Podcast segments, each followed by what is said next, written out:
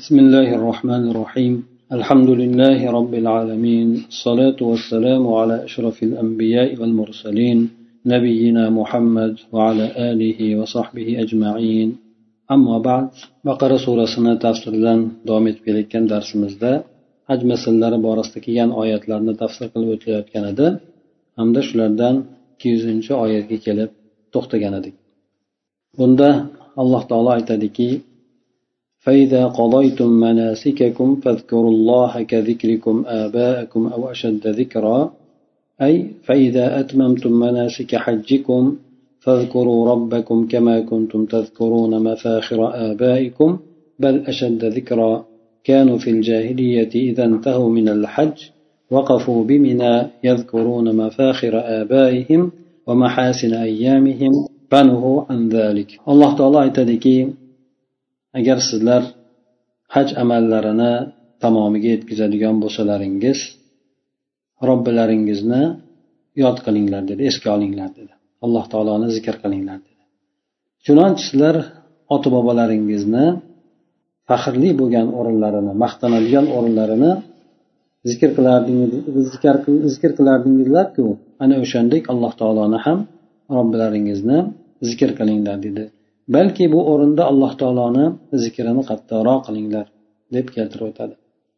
Demak bu yerda mufassir aytib o'tadiki agar sizlar haj amallarini ibodatlarini tamomiga yetkazadigan bo'lsalaringiz ya'ni hajni amallari bor asosiy bo'lgan amallari bor bular arafotda turishlik bo'lsin yoki bo'lmasa arafotdan keyingi kunda qilinadigan amallar bular shaytonga katta tosh otishlik undan keyin inson tavof ifozani qilishligi kabaga kelib turib shuning shu bilan birgalikda sochini qisqartirishligi yoki to'liq suratda olishligi hamda jonligini so'yishlik mana shu asosiy hajda ibodatlar hisoblanadi.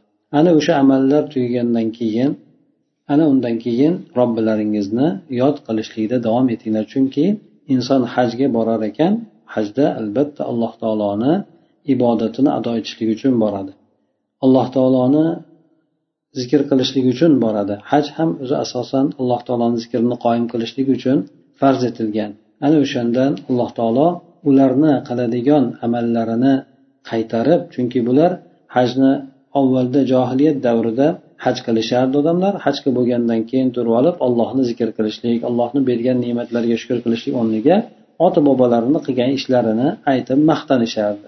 Bu maqtanishlik insonga hech qanaqangi bir manfaat degan narsani keltirmasdi. Shuning uchun bular demak ibodatdan keyin ota bobolarni maqtashlik emas balki ibodatga muyassar qilgan alloh taoloni zikriga bularni yo'naltirgan holatda alloh taolo yuqoridagi oyatlarni nozil qildi. Bular ota bobolarini qattiq zikr qilishardi judayam bir maroq bilan ishtiyoq bilan zikr qilishardi. Shuning uchun bu o'rinda xuddi ota bobolaringizni zikr qilganlaringiz kabi zikr qilinglar dedida yoki bo'lmasa undan ko'ra qattiqroq zikr qilinglar dedi chunki alloh taolo albatta insonlarni zikr qilinishligidan ko'ra zikr qilinishlikka loyiqroq bo'lgan zotdir. Bular shuning uchun keltirib o'tyaptiki mufassir johiliyat davrida haj amallaridan haj amallaridan to'xtashadigan bo'lsa ya'ni haj amallarini qilib bo'ladigan bo'lsa minoda turishib olardida ana undan keyin ota bobolarini judayam maqtanadigan o'rinlarini o'z ularni yaxshi o'tgan kunlarini zikr qilishardi o'sha davrlarda. Shuning uchun bular o'sha narsadan qaytarilishdi keyin. Ya'ni haj ibodat bo'lgandan keyin ibodatdan keyin ibodatni oxirgi o'rnida ham o'sha ibodatga muvaffaq qilgan alloh taologa hamd aytishlik kerak. Ota bobolarini zikr qilishlik emas balki bularni ota bobolari zikr qilganda ham ularni ibodatiga yordam beradigan suratda bo'lmasdi. Chunki johiliyatda o'tgandan keyin ular ham johiliyatda bo'lgan mushrik bo'lgan ota bobolari bo'ladi. Ana o'shanday bo'lganligi uchun ham bularni o'sha o'rinlarda eslashlikdan alloh taolo tomonidan ular qaytarildi deydi فمن الناس من يقول ربنا آتنا في الدنيا وما له في الآخرة من خلاق أي فمنهم فريق همه الدنيا فقط يطلب الجاه والغنى والثراء وليس له في الآخرة حظ ولا نصيب من رحمة الله. الله تعالى بورن ده. إبادة كيسادة جارجي حج إبادة كيسادة أدم لرنا إكخل طائفة بولشتغينا أول ده إكخل طائفة بولشتغينا ذكر قلب بتاده odamlarni ba'zilari garchi ibodat o'rniga kelgan taqdirida ham aytadiki robbimiz bizga shu dunyoli dunyoda bo'lgan narsani bergin deydi. Faqat alloh taolodan dunyoligini so'raydi. Oxirat haqida hech narsa so'ramaydi. Bular uchun aytadiki oxiratda hech qanaqangi nasiba yo'q deydi alloh taolo. Demak bir odam borki odamlarni ichida bir toifasi borki bularni g'ami dunyo bo'ladi xolos. Bular obro' so'raydi boy badavlatlik so'raydi lekin allohni rahmatidan bo'lgan hech qanday bir nasiba bo'lsin ulush bo'lsin bular uchun oxiratda yo'q deydi ikkinchi bir toifadan bor bu odamlar aytadiki ومنهم من يقول ربنا آتنا في الدنيا حسنة وفي الآخرة حسنة وقنا عذاب النار أي ومنهم فريق يطلب خيري الدنيا والآخرة من الصحة والعافية والرزق والعلم ويطلب الجنة ورضا الله وأن ينجيه الله من عذاب جهنم الشديد demak ikkinchi toifa odam bor. Bu odamlar dunyo oxirat yaxshiligini talab qilishadi. Shuni alloh taolodan qattiq so'rashadi. Talab deganda albatta qattiq so'rashlik bor. Shunchaki so'rash emas balki qattiq so'rashlik degani. Bu sog'lik bo'lsin inson har xil baloyo ofatlardan ofiyatda bo'lishlik bo'lsin rizq bo'lsin ilm bo'lsin. Shundan iborat bo'lgan mana shu dunyodagi yaxshi bo'lgan narsalarni so'rashadi va yana shuningdek jannatni allohni roziligini alloh taolo ularni jahannamni qattiq azobidan qutqarishligini shu narsalarni alloh taolodan qattiq yolvorib so'rashadi deydi. Demak alloh taolo ikki toifaga ajratib turib ikki toifani olloh bilan bo'lgan aloqasini bizga bayon qilib o'tyapti. Garchi ikkalasi ibodatga borgan bo'lsa ham.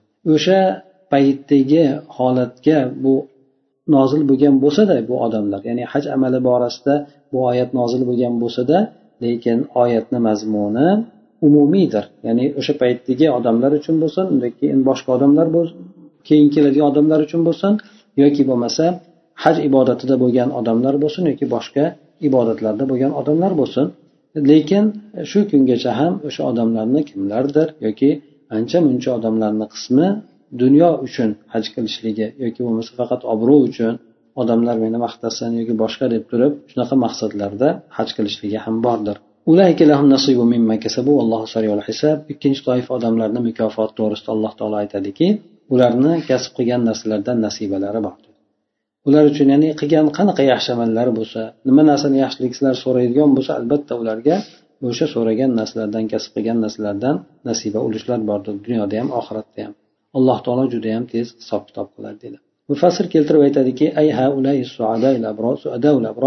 الذين طلبوا سعادة الدارين هم العقلاء الذين لهم حظ وافر من الأجر والثواب لأنهم أحسنوا في الدنيا والله يحاسب الخلائق على كثرتهم في زمن يسير لا يتصوره البشر bitta ana bu ikkinchi toifadagi bo'lgan juda ham dunyo oxirat baxt saodatini talab etgan so'ragan baxtiyor bo'lgan yaxshi bo'lgan kimsalar bular aqlli bo'lgan kimsalardir Nimaga? Chunki bular dunyoni ham oxiratni ham qo'shib so'rashdi.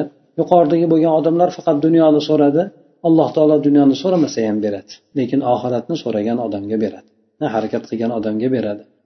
Ikkinchi toifadagi odamlar alloh taolodan dunyolikni ham so'radi ham oxiratlikni ham so'radi. Shuning uchun aytdiki robbana atina fid dunya hasana dedi. Hasana degani bu aliflomsiz kelyapti. Bu hasana ya'ni jins degani ya'ni qanday yaxshilik bo'lsa ham. O'zing biladigan yaxshilikni bizga bergin degan alloh taologa. Nima narsa sen yaxshilik deb bilsang o'sha narsani bizga bergin deydi.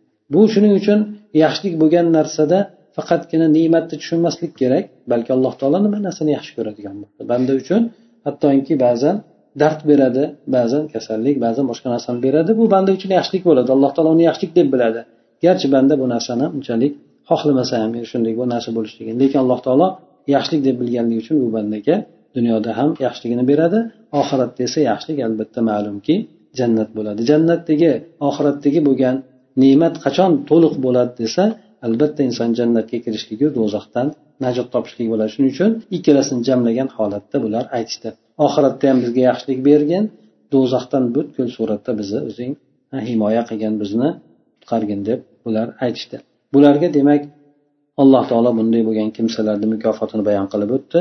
Demak bular ajru savobdan keng nasibasi bo'lgan aqlli bo'lgan odamlardir. Chunki bular dunyoda yaxshilik qilishdi dunyoda allohdan so'rabgina qolmadi balki dunyoda shu oxiratini obod qiladigan narsalarni qilishdi alloh taolo esa odamlarni ko'p bo'lishiga qaramasdan inson tasavvur qilmaydigan darajada juda ham qisqa muddatda haloyiqlarni butun odamlarni hisob kitob qiladi. Sariyul hisob judayam alloh taolo tez hisob kitob qiladi. Ba'zan insonlar aytib qolishadi avariya bo'lgan holatida yoki shunga o'xshagan qattiq bir bo'lgan holatlarda ko'zimni oldidan shu dunyo hayotda qilgan hayotim o'tgan hayotim o'tib ketdi deydi. Bu necha bir soniyada bo'ladi insonda. Judayam qisqa muddatda bir necha odamdan eshitganmiz moshina avariya bo'lib to'ntarilganda shu to'ntarilib joyiga tushgungacha o'sha yerda butun qilib o'tgan hayotim ko'z oldimdan o'tib ketdi deydi. Judayam bir qisqa bo'lgan vaqtda bo'ladi. Shuningdek alloh taolo insonlarni hammasini hisob kitob qiladi dedi. واذكروا الله في أيام معدودات أي فمن تعجل في يومين فلا إثم عليه أي اكثروا من ذكر الله في أيام الحج أيام عيد الأضحى فمن استعجل النفر من من منى بعد تمام يومين من أيام التشريق أي الثاني والثالث من عيد الأضحى فلا خرج عليه فلا حرج عليه demak alloh taolo aytdiki alloh taoloni bir necha kunda zikr qilinglar dedi. Haj kunlari sanoqli kunlardir. Asosan umrani e'tiborga olmaydigan bo'lsak besh kundan iborat haj kunlari. Judayam tez tugab ketadi. Ha shunday kunlarda alloh taoloni yaxshi eslanglar dedi. Kimki undan keyin alloh taolo insonlarni o'sha haj qilishlik mobaynida aytdiki haj kunlari mana birinchi tarbiya kuni deydi. Tarbiya kuni odamlar zulhijjani sakkizinchi kuni bo'ladi. Ertalabdan minoga qarab chiqishlikka odamlar harakat qilishadi. O'sha minoga borib o'sha yerda besh vaqt namozni o'qib ya'ni peshin namoziga yetib borishadi. Peshin asr shom xufton bomdod namozini minoda o'qishadi. O'sha yerda turishligi bularniki sunnat hisoblanadi birinchi minoga borib turishligi. Ana undan keyin ertasiga to'qqizinchi zulhijja bo'ladida bu arafa kuni bo'ladi. Arafa kunida shu peshin atroflarida peshindan oldinroq arafat tog'iga qarab jo'nashadi yerga borib duo ibodat qilib o'tirishadi. To quyosh botgunigacha bo'ladi. Quyosh botgan paytida muzdalifaga qarab tushishadi o'sha yerdan.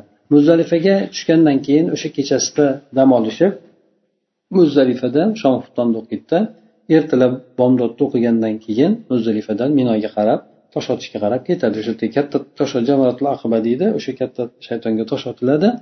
Yettita tosh otgandan keyin inson uchta sochini oldiradi keyin tavof ifoza qiladi jonligini so'yadi.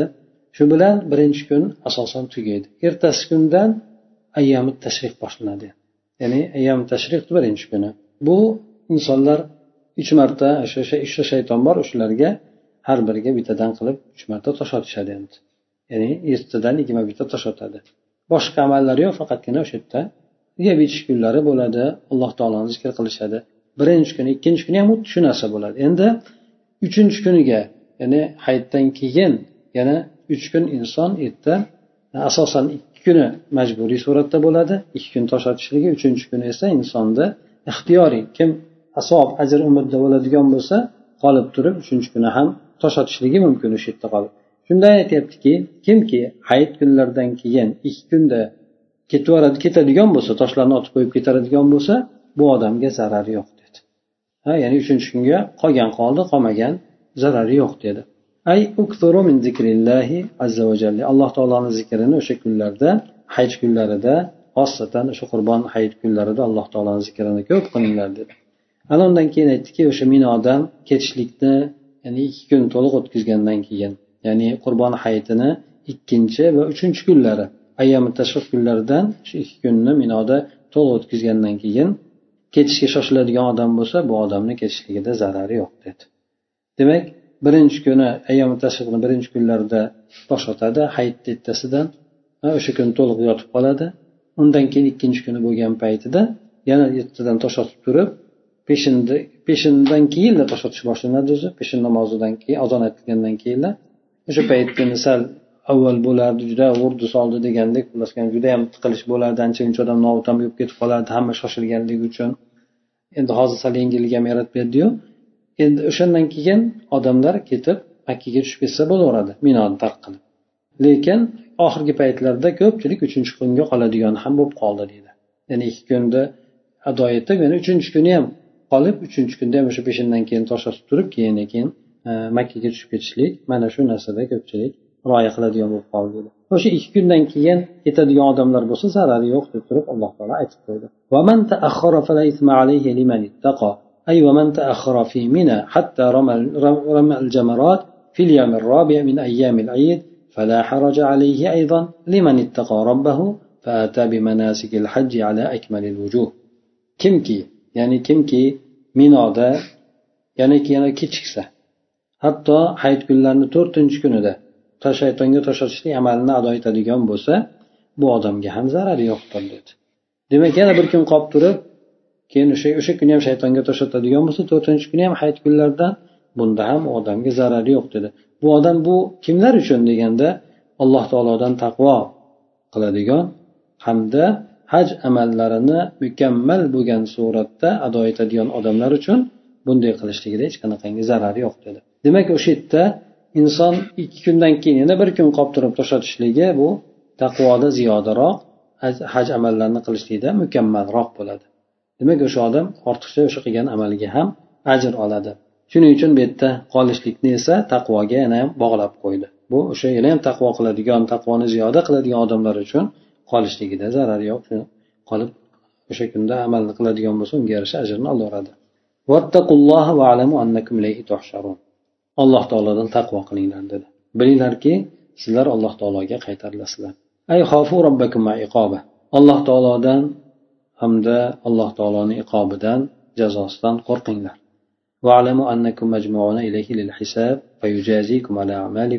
Bilinglarki sizlar hisob kitob uchun alloh taologa jamlanasizlar yana.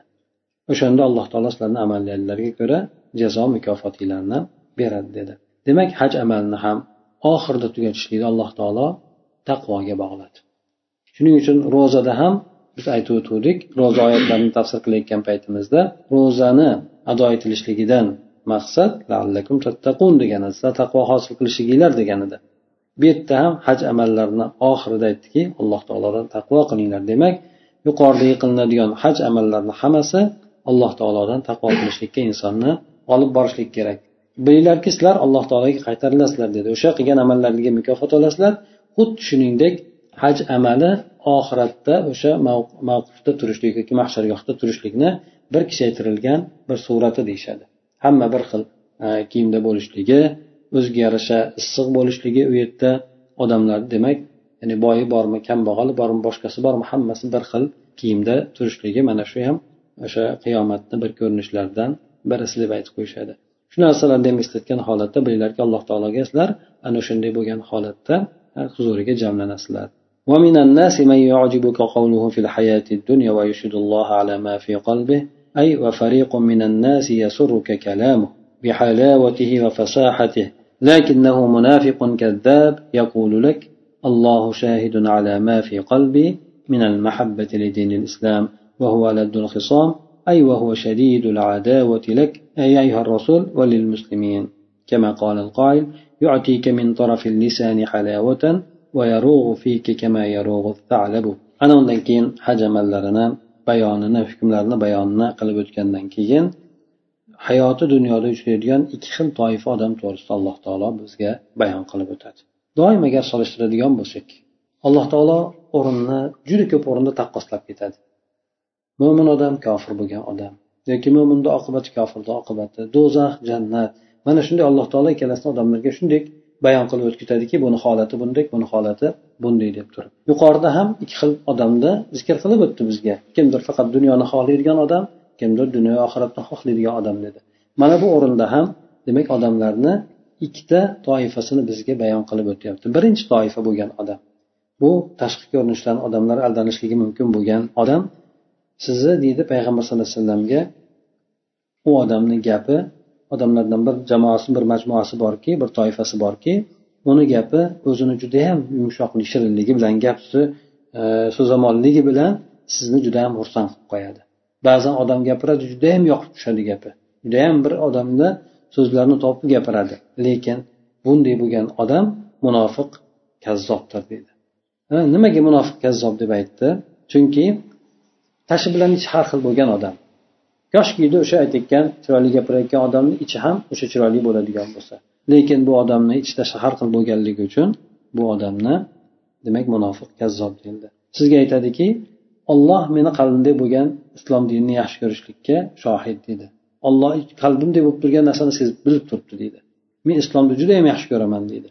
Lekin bu odamni holati shuki bu ey payg'ambar siz uchun ham musulmonlar uchun ham adovati judayam qattiq deydi. Demak odamlarni ajratib bo'lmas ekan. Tashqi tomondan kimdir mana shunday bo'lgan holatda keladi. U odam qalbini alloh taolo payg'ambar sallallohu alayhi vasallamga bildiryapti lekin hozirgi kunda odam qalbini bilishligi qiyindir. To o'zi bir boshqa amali bilan insonlarga o'zini kimligini ko'rsatib qo'ymasa.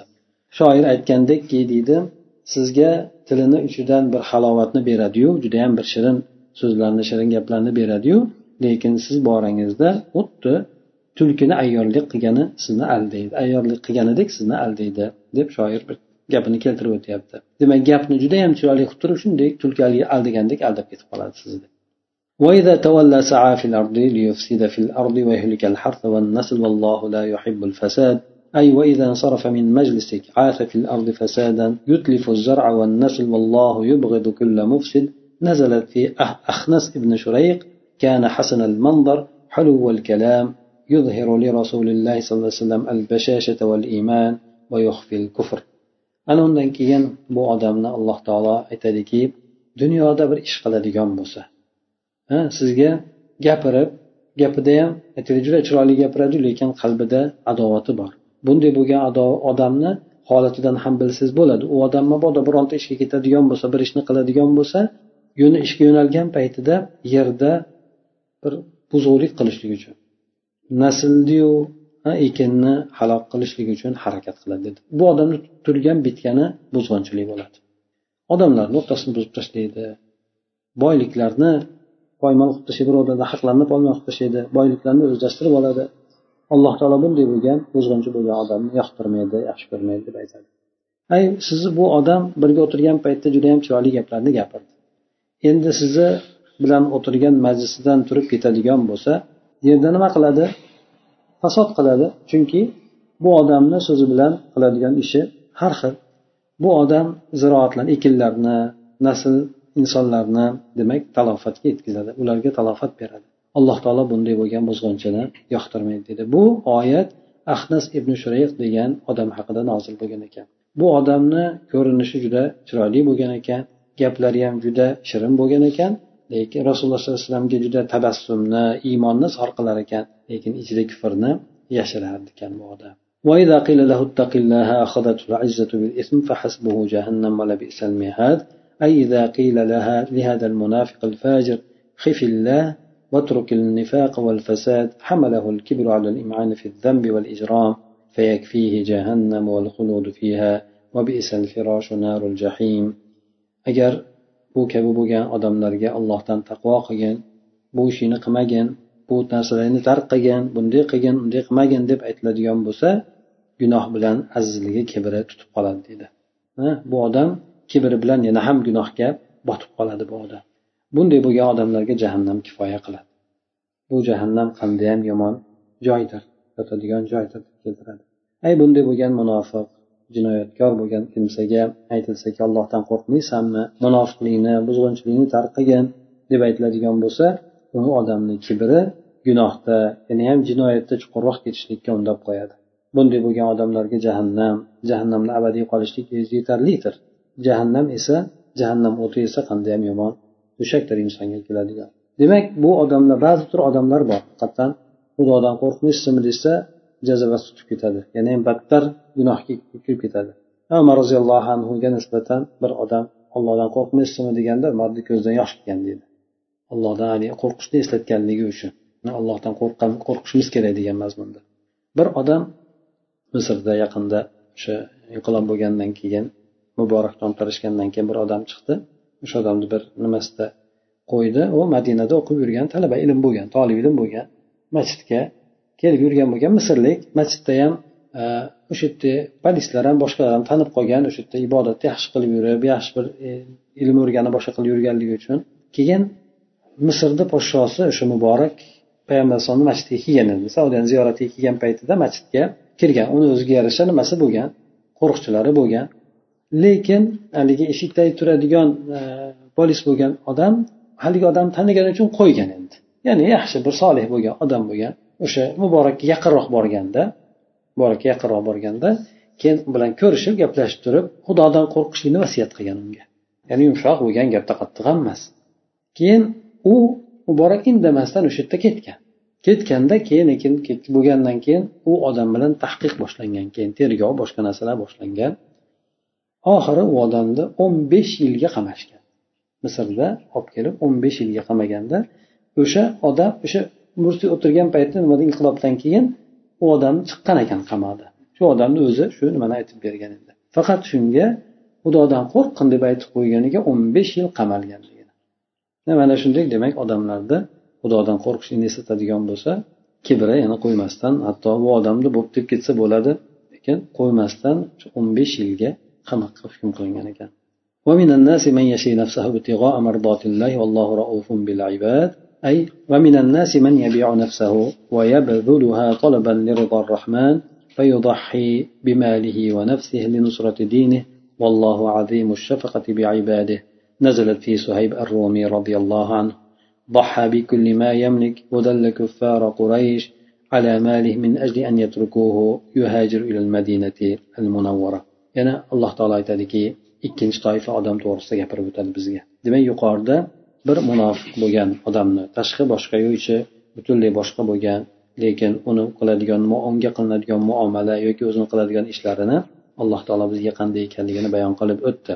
Ikkinchi toifa bo'lgan odamni taqqoslab bu yerda bizga zikr qilib o'tyaptiki odamlardan yana bir boshqa toifasi borki bu odamlar hattoki jonini sotadi alloh taolo roziligiga erishishlik uchun. Jonidan voz kechadi jonini fido qiladi alloh taolo bunday bo'lgan kimsalarga judayam rahmdil mehribondir deydi. Demak mufassir keltirib o'tadiki odamlardan yana shunday bir toifasi borki ikkinchi bir toifasi bular jonini sotib yuboradi. Uni alloh taolo roziligiga erishligi uchun roziligini talab qilib roziligiga erishishlik maqsadida uni sarflab yuboraveradi. Moli bo'lsin joni bo'lsin bu narsalarni alloh taoloni diniga yordam berishlik uchun fido qiladi. Alloh taolo mana bunday bo'lgan bandalariga juda ham shafqati rahmati judayam kengdir. Bu oyat suhayb romiy roziyallohu anhu haqida nozil bo'lgan deb keltirib o'tadi. Bu kishi butun qo'l ostidagi bo'lgan boyligini fido qilgan. Hamda quraysh kofirlariga bu kishi madinaga qarab hijrat qilib ketayotgan paytida yo'lda to'sib olishadi. O'shanda hijrat qilgani xoli qo'yishligi uchun molini ularga moliga yo'llab qo'yadi ya'ni molini ko'rsatib qo'yadi. Sohib rumiy roziyallohu anhu bu kishi nima uchun rumiy deb nomlangan? Asli rumdanmi desa o'zi asli arab bo'ladi. Asr tushib qoladida keyin asr bo'lgandan keyin qaytib keladi? Shu bilan o'sha kishi rumiy degan nom laqab bilan qolib ketib qoladi. Bu kishi makkaga keladi bir muddat yashaydi oldin kelgan paytda hech vaqosi yo'q bo'ladi. Kelib e, xizmat qilib boshqa qilib ancha muncha boylik orttiradi keyinchalik.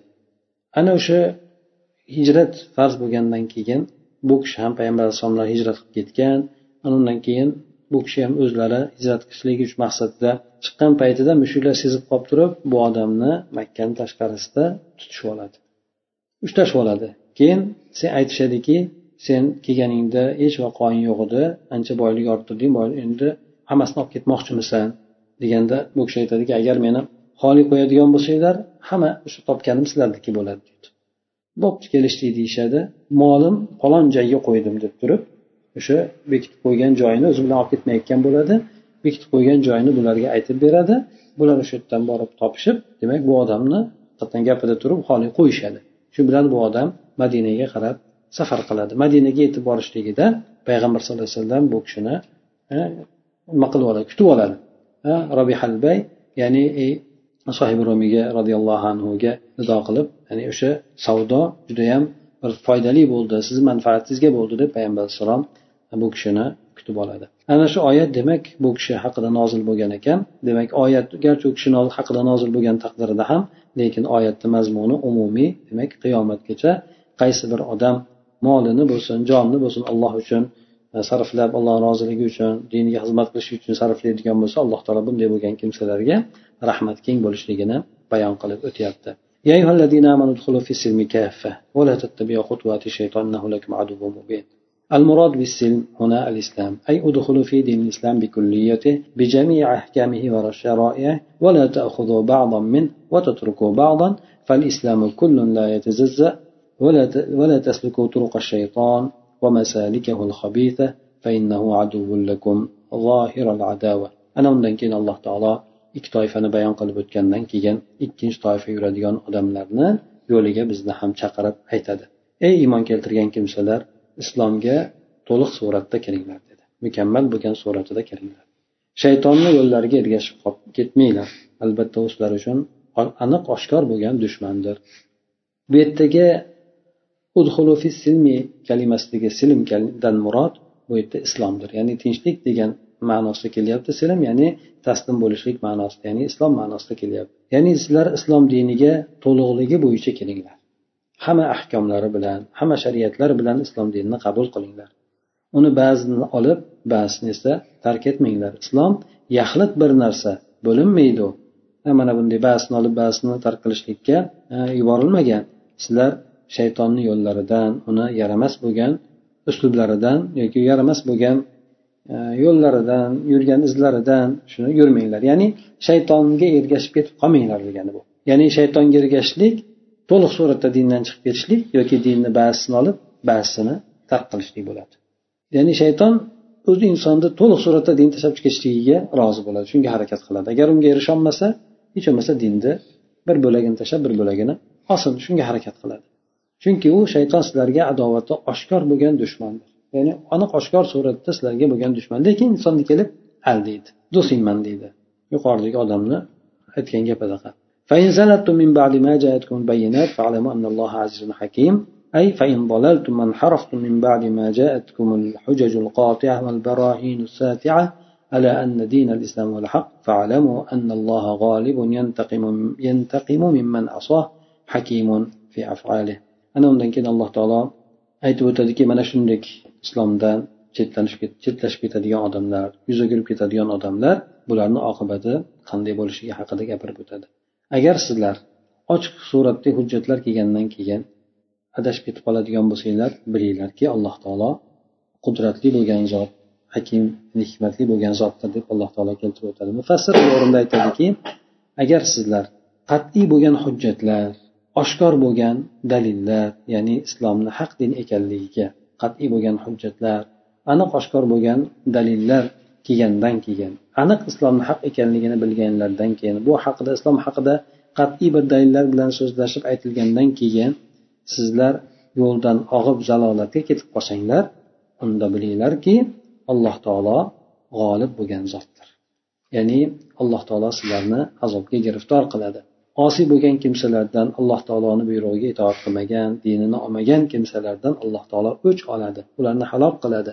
Alloh taolo esa o'zini qiladigan ishlarda hikmatli bo'lgan zotdir ya'ni qachon insonlarga qo'yib beradi qachon ularni ushlaydi qachon halok qiladi bu narsalarda alloh taolo o'zini hikmati bordir ya'ni odamlarni qo'yib berishligi alloh taolo ularni ya'ni ne'mat bilan siylashligi emas balki alloh taolo qilgan ishlarda hikmatli bo'lgan zotdir xohlagancha qo'yib berib keyin ularni halok qilishligi bor هل هل ينظرون إلا أن يأتيهم الله في ظلل من الغمام والملائكة أي ما ينتظر هؤلاء العصاة المتكبرون إلا أن يأتيهم رب العزة والجلال مع الملائكة الأبرار في ظلل رهيبة من السحاب لفصل القضاء بينهم alloh taolo ikkinchi o'sha islomni qabul qilmasdan ketadigan toifaga zalolatga ketib qoladigan toifaga qarab xitob qildiki bular bu osiy bo'lgan kimsalar mutakabbir o'zlarini dinni qabul qilishlikdan yuqori tutayotgan kimsalar hm, nimani kutishyapti o'zi bular robbil izzati val jalal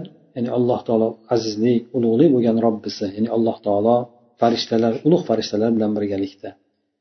Juda ham qo'rqinchli bo'ladigan bulut soyasi ostida ularga keladi kelishligini kutishyaptimi? Ya'ni bular qiyomat kuni alloh taolo ularni azoblashligini kutyapti nimaga bular islomni qabul qilmayapti? Nimaga alloh taoloni aytganiga yurishmayapti bular? Alloh taolo bu kunda ularni o'rtasida hisob kitob qilishlik uchun keladi. Mana shuni kutishyapti bular deb alloh taolo aytib o'tadi demak ularni alloh taolo qo'rqitdi bular agar shu dunyoda qabul qilmas ekan demak oxiratda juda ham qattiq bir azob holatda qolishligini bayon qilib o'tyapti وقضي الأمر وإلى الله ترجع الأمور أي وينتهي أمر الخلائق بالفصل بينهم حيث لا ينفع الظالمين ندم ولا اعتذار إلى وإلى الله وحده مصير جميع الخلق لمجازاتهم ish mana shunday bo'lib turib hal qilinadi qiyomat kunida ish hal bo'ladi Hammani hamma ishlar alloh taologa qaytariladi dedi. Ya'ni butun haloyiqlarni ishi ortalarida bir ajrim qilishlik bilan tamomiga yetadi. Hamma narsa ajrimini topadi. Kim jannatga kim do'zaxga kim ne'matga kim azobga hamma narsa qiyomatda o'z ajrimini topadi. Bunday bo'lgan paytda yoki bunday bo'lgan kunda zolim bo'lgan kimsalarga afsus tadobat qilishligi ham har xil uzrlarni keltirishligi ham foyda bermaydi. alloh taoloni yolg'iz o'ziga butun maxluqotlarni qaytadigan joyi alloh taoloni yolg'iz o'ziga bo'ladi bu esa ularni alloh taolo jazo mukofotini berishligi uchundir سل بني إسرائيل كم آتيناهم من آية بينة أي سل يا محمد اليهود تقريعا لهم وتوبيخا كما أعطيناهم من معجة واضحة شاهدة على الحق كالعصا واليد وفلق البحر فكفروا بها ونسوها أنا undan keyin alloh taolo bu makka mushriklariga eslatma suratida Bani isroilga payg'ambar sallallohu alayhi vasallamni xitob qilishligiga buyurdi. Demak payg'ambar sallallohu alayhi vasallam makkada madinada turibdilar. Bu oyatlar nozil bo'lgan paytlarida mushriklar esa makkada o'rtada aloqa bor baribir chunki bordi keldi. Payg'ambar sallallohu alayhi vasallam esa bani isroilga xitob qilgan buyurilyaptida lekin buni ortidan baribir yahudlar bilan birgalikda o'sha mushriklar arab mushriklari ham iroda qilinyapti. Ya'ni bularga qarata o'sha uni ortida xitob ketyapti. Ey muhammad sallallohu alayhi vasallam yahudlardan so'rang. Ya'ni ularda koyib ularni tavbeh qilib ayblab alloh taolo aytyaptiki bulardan so'rangchi dedi. Biz ularga haqqa dalolat qiluvchi haqqa guvohlik beruvchi ochiq ravshan mo'jizalardan qancha qanchasini berganmiz ularga dedi. Yahudlarga. Bu muso alayhissalomni asosi bo'lsin.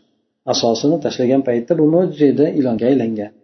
Hamma ko'zi ostida. Rosakam ilonga aylangan. Qo'l bor edi qo'lni cho'ntakka tiqazib chiqaradigan bo'lsa oppoq ya'ni odam jirkanmaydigan suratda oppoq suratda chiqardi bu ham u kishiga berilgan mo'jizalardan birisi edi. U bani isroilni ko'zini o'ngida dengizni ikkiga ajratib berib ularni o'sha dengizdan qutqarib ketganligi bu narsa ham bo'lgan edi. Lekin bular nima qilishdi? Ular esa bu berilgan ne'matlarga mankorlik qilishdi kofir bo'lishdi. Ularni unutib yuborishdi. Bu yerda bani isroilga bo'lgan xitob. Bu ne'matlar bu mo'jizalar ularni o'sha ota bobolarini davrida bo'lib o'tgan. O'zi aslida ota bobolariga kelgan ne'matlar edi. Alloh taolo buni ularga ham deb aytdi. Chunki ularni ota bobosiga berilgan o'sha muso alayhissalomni ergashuvchi sifatida ularga berilgan ne'mat bular ham o'sha muso alayhissalomni ergashuvchimiz deb davo qilishardi. Shuning uchun alloh taolo xitobni garchi u ne'mat avvalgi ota bobosiga berilgan taqdirda ham bularga qaratib turib yo'naltirilyapti ya'ni yahud jamoasiga shuning uchun biz musulmonlarga aytganda agar sahobalarga berilgan ne'matni bizga ham aytishi mumkin ya'ni alloh taolo sizlarga deb aytadi ya'ni biz ummatga bularda ham ularga degandan keyin ularni ummatiga alloh taolo shunday bo'lgan ne'matlarni bergandi bular o'sha narsalarni butunlay unutib alloh taolodan uzoqlashishgan edi ومن يبدل نعمة الله من بعد ما جاءت فإن الله شديد العقاب أي ومن يغير آيات الله بالتحريف والتبديل ويجحد بها من بعد ما وصلت إليه yana odamlarda shu bani isroildan ba'zilari borki bular alloh taoloni ne'matini ularga yetib kelgandan keyin o'zgartirib yubordi. Alloh taolo azobi juda yam qattiq bo'lgan zot deydi. Mufassir keltirib o'tadiki kimki alloh taoloni oyatlarini o'zgartirib yuboradigan bo'lsa tag'yir qiladigan bo'lsa bu tahrif bilan tahrif so'zlarni almashtirishlik bilan tabdil esa o'rnini almashtirishlik bilan o'rnini almashtirishlik bilan yoki bo'lmasa oyatlarni o'zini o'zgartirishlik bilan yoki bo'lmasa bu oyatga o'rniga boshqa narsani qo'shishlik bilan bular kimki alloh taoloni oyatlarini yuborgan kitoblarini o'zgartirishadigan bo'lsa hamda o'sha alloh taoloni haqiqiy bo'lgan oyatlarini inkor etishadigan bo'lsa ularga yetib kelgandan keyin bular azobga aniq giriftor bo'ladi. Ana undan keyin alloh taolo demak bularni azob bilan qo'rqitdiki alloh taoloni azobi judayam alamli qattiq bo'ladi deb keltirib o'tdi. Mana shunday demak bu makka kofirlariga ham alloh taolo tomonidan bir qancha mo'jizalar ko'rsatildi. Oyni ikkiga bo'lishlik bo'lsa yoki bularni ko'z o'ngida eng katta bo'lgan mo'jiza bu qur'on mo'jizasi bo'lsin qur'onni o'qib tushunardi bu alloh taolo tomonidan ekanligini inson o'zi yozmaganligini payg'ambar alayhisalom tomonidan emasligini bular aniq bilishardi shunday bo'lgan mo'jizalarni bular ham kofir bu narsalarga nonko'rlik qilishdi bu narsalarni unutishdi. Bu yerdagi bo'lgan xitob demak yahudlar bilan birgalikda o'sha makka mushriklariga ham eslanglar bu narsalarga diqqat qilinglar e'tibor qilinglar.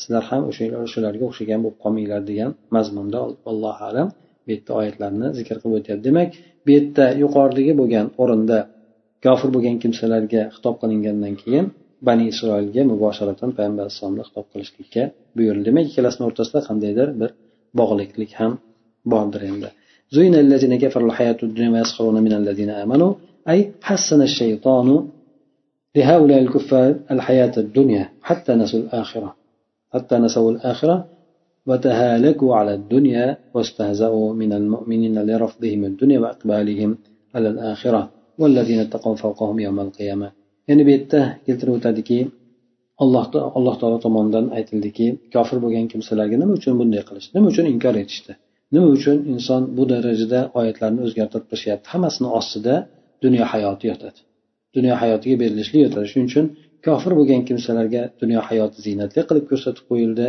Bular yana buni ustiga bunday qilgan jinoyatlarni ustiga yana mo'minlarni ustidan masxara qilib kuladi.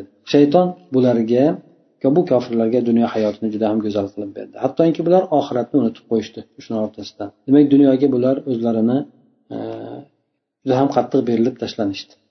Shu bilan birgalikda dunyoni rad etgan oxiratga iqbol qilayotgan mo'minlarni ustidan kulishdi deydi. والذين اتقوا فوقهم يوم القيامة. الله تعالى بيت دميك طائفة نكيل ترب. ترب تقوى الله بغن كم سرر قيامة كندا يقارب ولشيكنا بهم قلده. أي والذين آمنوا وأطاعوا ربهم آثار الحياة آخرة على الدنيا هم يوم القيامة في أعلى الليين في جنان الخلد آه، والنعيم فوق هؤلاء الكفار الفجار. والله يرزق من يشاء بغير حساب. إيمان كيلترغان كم سرر رب الأرجي طاعت oxiratni dunyoni ustida afzal bilgan kimsalar bular qiyomat kunida juda ham yuqori martabalarda bo'ladilar. Boqiylik e, ne'mat jannatlarida bo'ladilar. Bu jannatlarda bo'lishligini hammasi demak jinoyatkor bo'lgan kofirlarni ustida bo'ladi. Demak jahannam quyiga qarab ketadi pastga qarab tushib ketadi jannat esa yuqoriga qarab ko'tarilib ketadi. Yuqoridagi bo'lgan kimsalar albatta maqom jihatidan ham makon jihatidan ham kofirlardan yuqori bo'ladi. makon jihatida demak musulmonlar yuqori jannatlar yuqori kofirlar pastda do'zaxlar pastda bo'ladi maqom yoki makonat jihatdan ham daraja jihatdan ham mo'minlar yuqorida kofirlar quyi darajalarda bo'ladi alloh taolo mana shunday qilib xohlagan bandalarini behisob rizqini beradi deydi أن يرزق من يشاء من عباده ويوسع على من يشاء حسب الحكمة والمصلحة وليس الرزق دليلا على محبة الله للإنسان إنما هو امتحان وابتلاء فقد يرزق الله الكافر ويحرم يحرم المؤمن alloh taolo o'zini xohlagan bandalarga rizqni beradi xohlagan bandalarga rizq berib kengaytirib ham qo'yadi kimgadir boylik katta boylik beradi bu alloh taoloni o'zini hikmati manfaatiga bog'liq rizq berishligi ko'p qilib berilishligi bu alloh taolo o'sha insonni yaxshi ko'rganligiga dalolat qilmaydi balki rizqni ko'p qilib berilishligi inson uchun imtihon sinov bo'ladi alloh taolo kofirga ba'zan rizq beradi mo'minda esa undan mahrum qilib qo'yadi. Demak bu odamlarni dunyoga bog'lanishligi alloh taolo ularni yaxshi ko'rishligi alomati emas ekan. Odamlar dunyoda katta boy bo'lishi mumkin lekin bu alloh taoloni u odamni yaxshi ko'rishligini alomati emas. Shuning uchun ba'zi odam o'ylaydi biz boymiz ollohni yaxshi ko'rgan odammiz bizni boy bo'lishligimiz demak alloh taolo bizni yaxshi ko'rganligini bildiradi deb aytishadi. Balki bu o'rinda bir hadis qudusida ham keladi. Ya'ni alloh taolo bandalarni o'rtasidagi bo'lgan tasarrufotida endi ba'zi bandalarimga men boylikni beraman. Bu bandalarim boylik bilan solih bo'lishadi. Boyligini olib qo'yadigan bo'lsam ularni zarariga bo'ladi. Ba'zi bandalarim borki u bandalarim kambag'allik ular uchun yaraydi. Agar ularga boylik beradigan bo'lsam ularni buzilib qoladi bu boylik bilan deydi. Shunday qilib bandalarni o'rtasida tasarruf qilaman degan mazmunda hadis qudusiyda keladi. Demak alloh taolo xohlagan bandasiga rizqni mo'l qilib beradi. Xohlagan bandasiga rizqni toraytiribroq beradi. Bu esa toraytirgan banda agar mo'min bo'ladigan bo'lsa alloh taolo uni ortqidan sabr ham beradi insonga. Boylik beradigan bo'lsa mo'min banda bo'ladigan bo'lsa orqasidan shukurni ham beradi. Kofir bo'lgan odamga esa boylik o'ladigan bo'lsa tug'yonni ketib qoladi. Kambag'allik o'ladigan bo'lsa nolishlik shunga o'xshagan shikoyat shunga o'xshagan narsaga giriftor bo'lib qoladi سبحانك اللهم وبحمدك نشهد أن لا إله إلا أنت نستغفرك ونتوب إليك. اللهم انفعنا بما علمتنا وعلمنا ما ينفعنا وزدنا علما.